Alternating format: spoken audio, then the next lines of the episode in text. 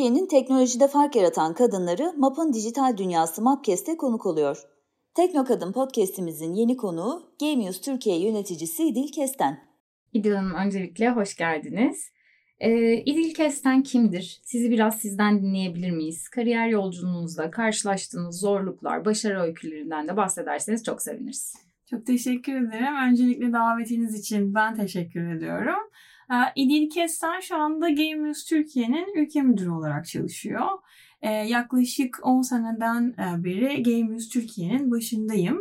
Ondan önce de Game rakibi olan Comscore'da 4 e, sene çalışmıştım. Daha öncesinde de birkaç sene farklı alanlarda yine veri üzerine çalışmalarım oldu. Dolayısıyla yaklaşık 16-17'den 17 seneden beri veri ve özellikle de e, medya alanında kullanıcı davranış verisi üzerine çalışıyorum. E, bununla birlikte kısaca eğitiminden de bahsedeyim. Ben Fen Lisesi'nde okudum. E, sonrasında Galatasaray Üniversitesi'nde devam ettim. Ve eğitimin sürdürülebilir olduğuna inanıyorum ve mutlaka üzerine konulması gerektiğini düşünüyorum. O nedenle geçen sene e, Stanford Üniversitesi'nin tam 12 ay süren bir liderlik programına katıldım. Stanford Lead. Orada da temel amacım hem şirket yönetirken hem de kendimi yönetirken e, acaba hangi liderlik vasıflarında iyiyim, hangilerinde eksiğim, liderlik tanımı nedir, e, kendime nasıl katkı yapabilirim ve kendime yapmış olduğum katkıyla şirketimi ve toplumumu nasıl daha e, ileri götürebilirim? Bunu anlamak için bu eğitim programını bitirdim. Dolayısıyla e, sertifikalı bir liderim. Gerçek hayatta bir lider miyim hala bilemiyorum, hala öğreniyorum. Ama bunun sertifikasını da aldım.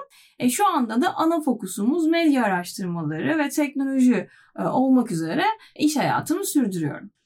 Peki e, hem dijital reklam teknolojisi hem de medya araştırmaları alanında uzun yıllardır çalışıyorsunuz. E, siz sektördeki değişiklikleri ve trendleri nasıl görüyorsunuz? Özellikle son birkaç yılda dikkatinizi çeken, sizin dikkatinizi çeken önemli değişiklikler var mıdır, nelerdir? Şöyle bizim zaten yapmış olduğumuz iş aslında trendleri analiz etmek Hı-hı. ve trendleri sunmak.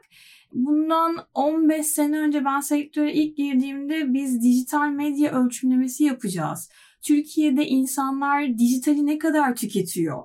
E, medya, e-ticaret, bankacılık gibi alanlarda bunu sunacağız dediğimizde kimse anlamıyordu. Neden bahsettiğimizi de anlamıyorlardı. Aslında ben ilk bu iş teklifiyle karşılaştığımda ben de çok çekilmiştim. Çünkü dijitalin ne olacağı belli değil. Dotcom balonu olmuş. Hı-hı. Daha hayatımıza çok yeni geliyor. E, o nedenle ben de biraz çekinmiştim ama 15 senenin sonunda geldiğimiz yer bir kere zaten bize trendleri özetliyor. Bugün dijitalin olmadığı ya da mobilin olmadığı hayatımızda bir alan yok gibi. Bununla birlikte son dönemlere baktığımız zaman e, dijital alanda ne gelişti derseniz bir kere mobil. Artık mobilsiz bir dünya e, söz konusu değil. İkincisi ilk başta dijital medyadayken biz bugün dijital dediğimizde aklımıza ilk ne geliyor? E-ticaret ya da bankacılık hı ya da günlük işlerimizin kolaylaşmasını sağlayan Uber gibi uygulamalar. Artı hiç aklımıza gelmeyecek olan trendlerin normalleşmesi. Nedir? İkinci el ürünlerin, ikinci el kıyafetlerin satılması ve bunun günlük hayatta sıradan insanların da artık hayatına girmesi. Dolayısıyla trendler anlamına incelediğimizde artık belki trendin dışına çıkan ve hayatımızın ana alanlarından bir tanesi olan bir noktadan bahsediyoruz. Bunun sonucunda da dijital reklam yatırımları da aslında bununla beraber dönüşüyor ve markalar eskiden televizyonu ve dijitali ayrı değerlendirirlerken bugün bize geldiklerinde cross platformda, çapraz platformda neler yapabileceklerini soruyorlar. Bu birinci kısım. İkincisi programatik reklamcılık dediğimiz alan çok gelişiyor. Yani nedir? İşte o otomatik satın almanın ve belki de yapay zekanın ilk başladığı alanlardan bir tanesi yine medyada reklamcılık satın alma alanıydı. Bugün büyük ajanslar da markalar da bu teknolojiyi kullanarak medya satın almak istiyorlar. Çünkü işte o her zaman konuşulan 100 lira harcıyorum 50 lirası boşa gidiyor hangi 50 lirası kısmını bu şekilde hem analiz etmek istiyorlar hem de artık para çok değerli. Evet. Dünyanın en zengin firmaları için bile değerli. Herkes bir TL'sini bile hesaplayarak hareket etmek istiyor. Harika. Şimdi İndil Hanım teknoloji sektöründe özellikle kadınlar için karşılaşılan sizce zorluklar ve fırsatlar nelerdir? İş yaşamında kadınların daha refah içinde yaşaması için e, sizce neler yapılması gerek? Şöyle ben kendi iş hayatımda e, medya teknolojisi alanında hiçbir zorlukla karşılaşmadım. Karşılaşacağımı söyleyemem. Ben baktığım zaman e, çevremdeki iş arkadaşlarımın da bir zorlukla karşılaştığını görmedim. Ama şöyle bir şey var. Ajans ve medya dünyası biraz kadınların dominant olduğu bir alan. Yani bunu yatsıyamayız. Hatta benim işte ilk yöneticilerim geldiğinde biz nereye gitsek karşımıza bir kadın yönetici çıkıyordu. Özellikle batı kökenli yöneticiler bunu bir türlü anlayamıyorlardı. Çünkü bambaşka bir bakış açısıyla Türkiye'ye geliyorlardı. E, ama IT alanına baktığımızda kadınlar çok yoğun mu? Bence değil. E, kadınların alacağı yol var mı? Çok var. Peki Türk kadınları bunu bunda azimli mi? Kesinlikle azimli. Dolayısıyla ben çok yakın zamanda IT alanında, yazılım alanında %50-50 dengesinin sağlanacağını düşünüyorum. Ama hala özellikle global firmalarda çalışıyorsanız e, bir engel yok ama çok ciddi bir ön yargı var. Bizim bundan yıllar önce e, IT müdürümüz kadındı. Ben Polonya'ya kendisini götürdüğümde bana gelip ne IT'ci Türk kadın mı var demişlerdi. Yani hani şaşırıyorlardı. Hani, aynen şaşırıyorlardı. Bu bir noktada da aslında üzüntü verici. Yani bizim imajımız açısından. Ama Türk kadınlarının biz bugün globalde yakaladıkları başarıları görüyoruz. Ee, dünyadaki global firmalarda teknoloji olsun, bankacılık olsun ki bence bugün artık bankacılar da bir teknoloji firması olmaya Aynen doğru öyle. ilerliyor. Medya firmaları olsun. Türk kadınları çok önemli noktalara geliyor. Ee, yakın zamanda bence bu ön yargılar kırılacak. Peki kadınlara destek için ne lazım? Ee, bence öncelikle kreş avantajları lazım. Yani ben Türkiye'de bunun çok eksik olduğunu düşünüyorum. çünkü kadınlar aynı zamanda anne. Ee, ve çocuklarını bir yere emanet ettiklerinde kafaları rahat olmadı ki işlerine odaklanabilsinler. Ha e, özellikle pandemiyle hayatımıza giren evden çalışmanın en çok kadınlara faydası olduğunu düşünüyorum.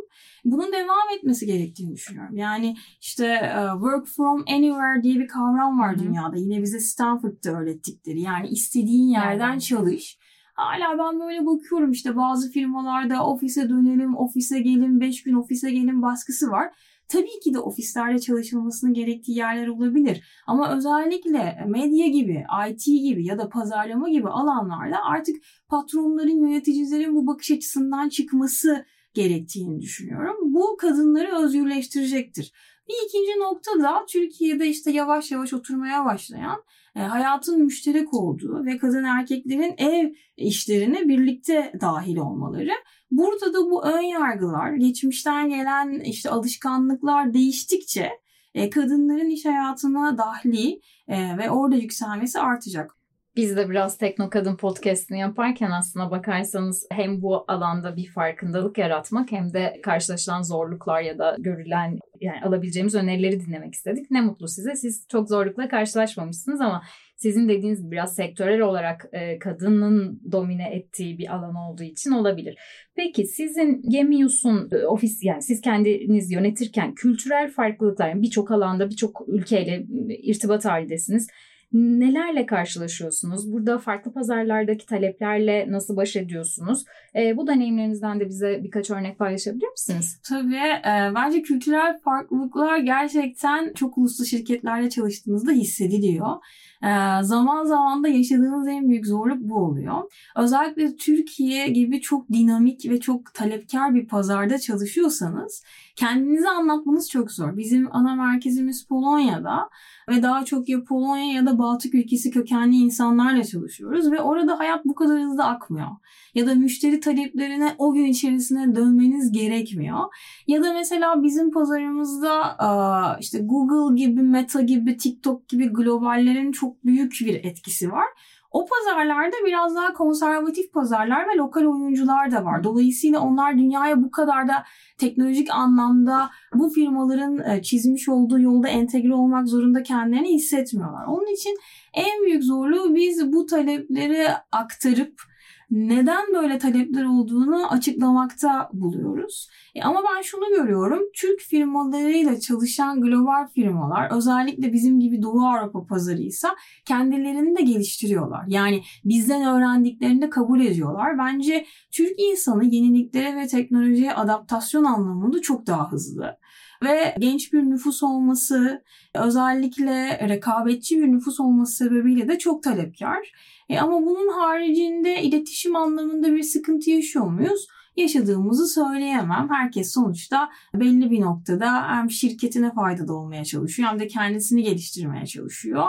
Benim düşüncem bu yönde. Peki burada e, çok önemli bir yerden bahsettiniz ilk e, cümlenizin başında. Türkiye'nin iş yapış tarzı o dinamizme bazen şaşırıyorlar. E, bizde her iş çok acil ve hemen olması gerekiyor. Mesela bununla ilgili bahsedebileceğiniz yani müşterinizin adını vermeden bahsedebileceğiniz ilginç bir anınız var mıdır? Tabii biz AdServer'da e, sunuyoruz. Yani reklam ölçümlemesi de yapıyoruz. Orada da kampanyalar üzerinden çalışıyoruz ve kampanyaların ne zaman başlayacağı, ne zaman biteceği çok belli olmuyor. Bazen akşam 6'da tam işten ayrılırken geliyor. Bazen gece 12'de destek ihtiyaçları oluyor. Bazen hafta sonu destek ihtiyaçları oluyor. Ama net bir durum var. Her zaman çok acil. Dolayısıyla bize gelen her mail çok acil, çok acil, çok acil. Bir gün şöyle bir ben maille karşılaştım. Artık hani bu çok acil o kadar klişeleşmiş ki şöyle yazmışlar. Bu sefer gerçekten çok acil. çok iyi. Dolayısıyla ne olur inanın artık bu sefer gerçekten çok acil. Ya ben de zaman zaman müşterilerimden öyle talepler alıyorum ama bu ilginçmiş. Gerçekten çok acil. Bundan sonra biz de böyle e, bakalım. Peki siz Türkiye'deki kadınların teknoloji girişimleri ve dijital e, sektördeki rolü hakkında ne düşünüyorsunuz? Kadınları bu alanda daha fazla teşvik etmek ve desteklemek için neler yapılabilir sizce? Şöyle bence e, Türkiye'de özellikle e-ticarette kadınların ne kadar önemli girişimciler olduğunu görebiliyoruz. Yani işte Trendyol'un kurucusu evet. kadın, Dolab'ın kurucusu kadın, Hepsi Burada'nın kurucusu kadın. Aklıma gelmiyor ama eminim daha birçok kadın vardır. Dolayısıyla gerçekten de hani teknoloji alanında özellikle istediğiniz yerden de çalışabildiğiniz için belki ilk başlarda çok dev sermayelere de gerek olmadığı için özellikle bir yazılımcıysa, bir ITC ise kendisi de bu işleri başlatabildiği için bu alanlarda büyük yatırımları oldu. Ama yeterli destek var mı? Bence destek hiçbir zaman yeterli değil. Neden? Çünkü şunu hepimiz biliyoruz ki ekonomideki bir kadının çarpan etkisi çarpı 3. Çünkü bir kadın çalıştığında çevresindeki kadınlara da otomatik olarak destek olmaya başlıyor. Ne oluyor? Evde temizlik ihtiyacı oluyor. Dışarıdan yemek söyleme ihtiyacı oluyor. Çocuğunu anaokuluna gönderme, çocuğunu belki özel okula göndermek gibi tercihleri olabiliyor. Dolayısıyla kadınlara daha fazla pozitif ayrımcılık yapılması bence şart. Teknoloji dünyasında kadın olmak sizin için ne ifade ediyor?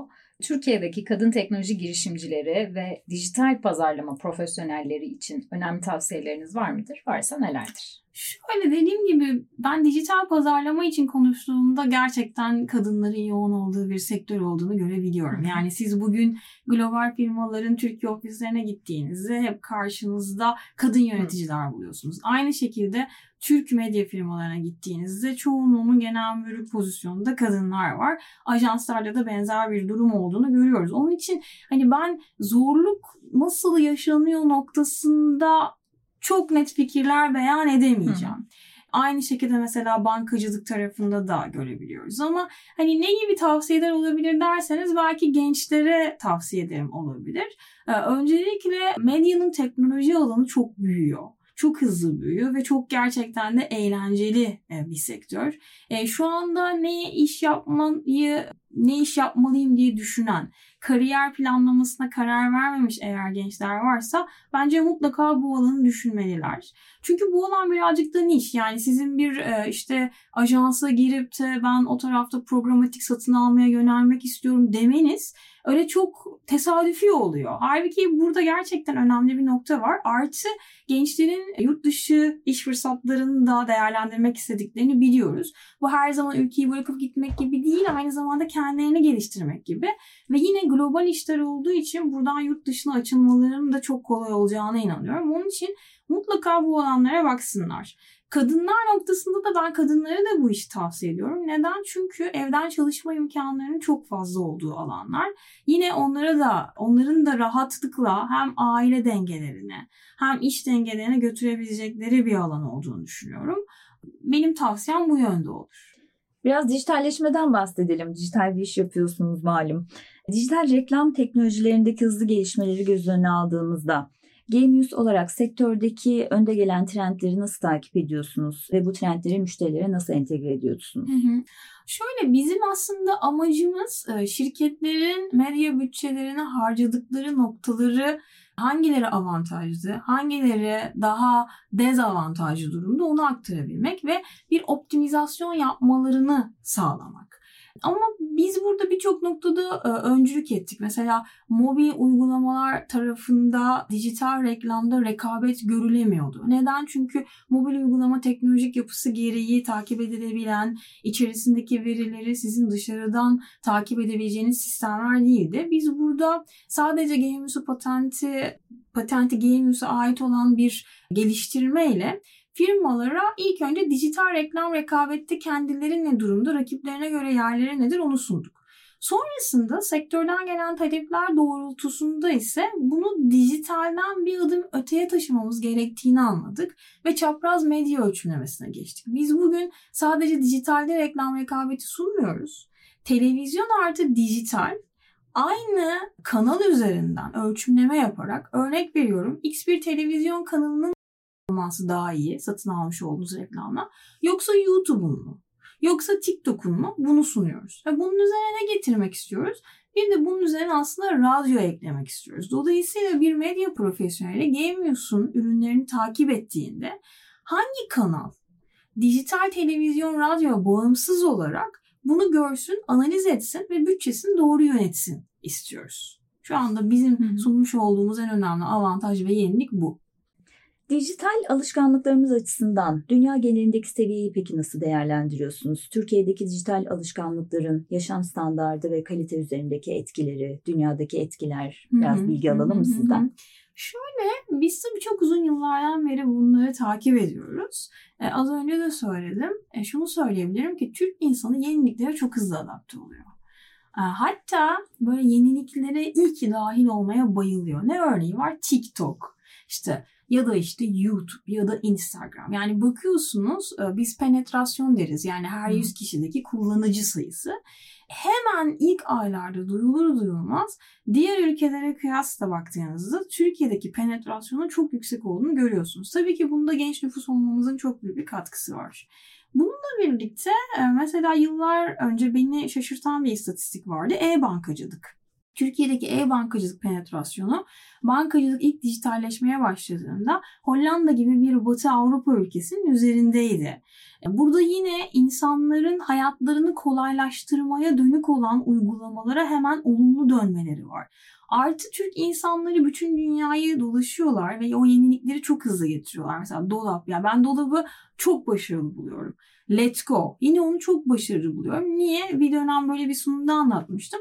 Bit pazarına dijital nur yağdı diye aktarmıştım. Yani mesela İngiltere'de vesaire gittiğinizde işte ikinci el marketler her zaman vardır o Soho'da vesairede ama ben Türkiye'de hani belki moda da vardır. Hiç ikinci el mağaza ve ikinci el kıyafet kullanımı görmüyordum. Çok niş bir alanda. Fakat dolap geldiğinde ben annemden fark ettim ne kadar yaygın olduğunu. Benim annem hmm. sabahtan akşama kadar dolapta alıyor, satıyor, alıyor, satıyor ve hani bunu çok hızlı bir uyum var. Dolayısıyla işte e-ticaret noktası olsun, Netflix'in kullanım oranı olsun, işte Disney Plus'ın, Amazon'un gelmiş olduğu nokta.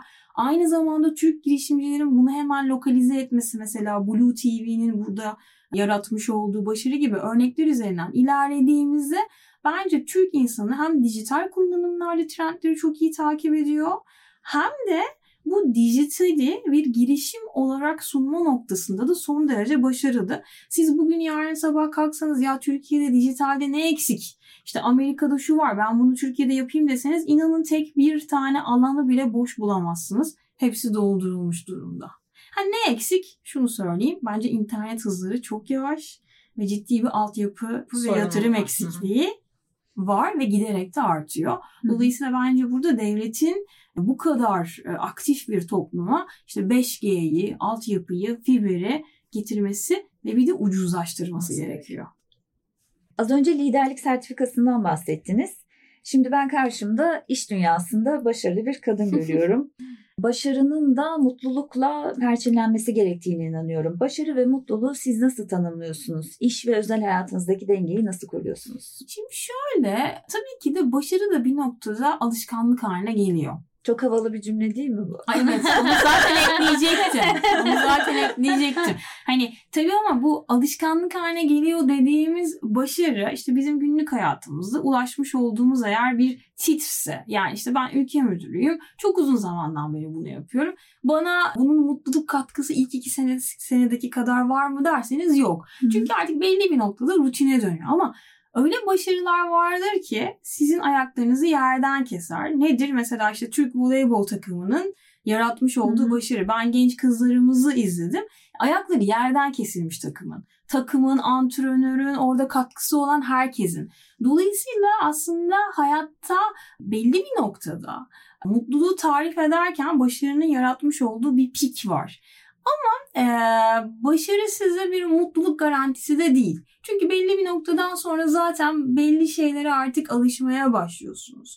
Ha ne gibi e, belki başarıların mutluluğa katkısı vardır? İşte çok önemli bir girişim yaptıysanız ve bu işte ekonomik anlamda büyük katkılar yaratıyorsa, onlarca kişiye istihdam imkanı sağlıyorsa ya da sosyal bazı girişimler yaptıysanız işte mesela dünyada şimdi bunlar tartışılıyor social ventures denilen özellikle toplumu iyileştirmeye yönelik olan girişimler. Burada belki binlerce kadına, binlerce çocuğa ulaşıyorsanız bu tarz başarıların gerçekten çok büyük katkısı var. O nedenle bence biz başarıyı sadece iş hayatıyla sınırlandırmamalıyız. Belki de başarı şu, kendimize, çevremize ve toplumumuza ne kadar değebiliyoruz.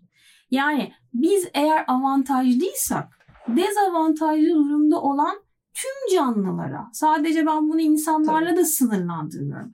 Tüm canlılara ne kadar ulaşabiliyoruz? Belki böyle tanımlarsak mutluluğa katkısı daha fazla olacaktır. Çok güzel açıkladınız. Gelecekteki projeleriniz ve hedefleriniz hakkında da bilgi alabilir miyiz? Şöyle, ben de açıkçası e, girişim, nasıl bir girişim yapabilirim üzerine bu dönemde kafa yoruyorum. E, var olan işimi de devam ettirmek istiyorum. Ama aynı zamanda da artık bence benim de bir girişimle başarılı olurum ya da olmam. Ama bir şeyi deneyerek e, sahnede yer alma zamanımın geldiğini düşünüyorum. Bununla ilgili bir iki çalışmamız da var. Daha çok başlangıç olduğu için bunu söylemeyeyim. Hı-hı. Ama umuyorum ki birkaç sene sonra sizin karşınıza kendi girişimlerinde de başarılı olmuş biçimde gelebilirim. Çok isteriz. Heyecanla bekleyeceğiz biz de o zaman. Belki tekrar konuk alırız o zaman. Girişimimizden bahsetmek için. Çok teşekkür ederiz İdil Hanım. Gerçekten hem çok keyifli bir sohbet oldu hem de sizi yakından tanıma fırsatı bulduk. Sizin son olarak söylemek istediğiniz herhangi bir şey var mı? Benim son olarak söylemek istediğim şey şu. Bence Türk kadınları özel sektörde de devlette de iş hayatında çok entegre ve başarılılar. Ama bence biz bunu biraz sosyal hayatımızda hem siyasete taşımalıyız hem de sivil topluma taşımalıyız. Bence biz o alanlarda geride kaldık. Geride kaldığımız için de bizim yerimize hep erkekler konuşuyor. Ne zaman ki Türk kadını bu boşluğu da doldurur o zaman tam ve eşitliği e, iliklerimize kadar hissettiğimiz ve toplum olarak daha mutlu olduğumuz hem kadını hem erkeği hem çocuğuyla bir Türkiye'de yaşarız. Umarım bunları da görürüz diye ümit ederek sözlerimi bitirmek istiyorum. Teşekkürler. İlk podcast'iniz biz de hayırlı uğurlu olsun diyelim. Çok teşekkür ederiz. İşimizden sonra tekrar evet. bekleriz. Bekliyoruz. Sözünüzü aldık. Çok sağ olun. Teşekkürler. Teknoloji dünyasında fark yaratan kadınları konuk aldığımız Tekno Kadın podcast'imizin sonuna geldik. Gelecek ay görüşmek üzere.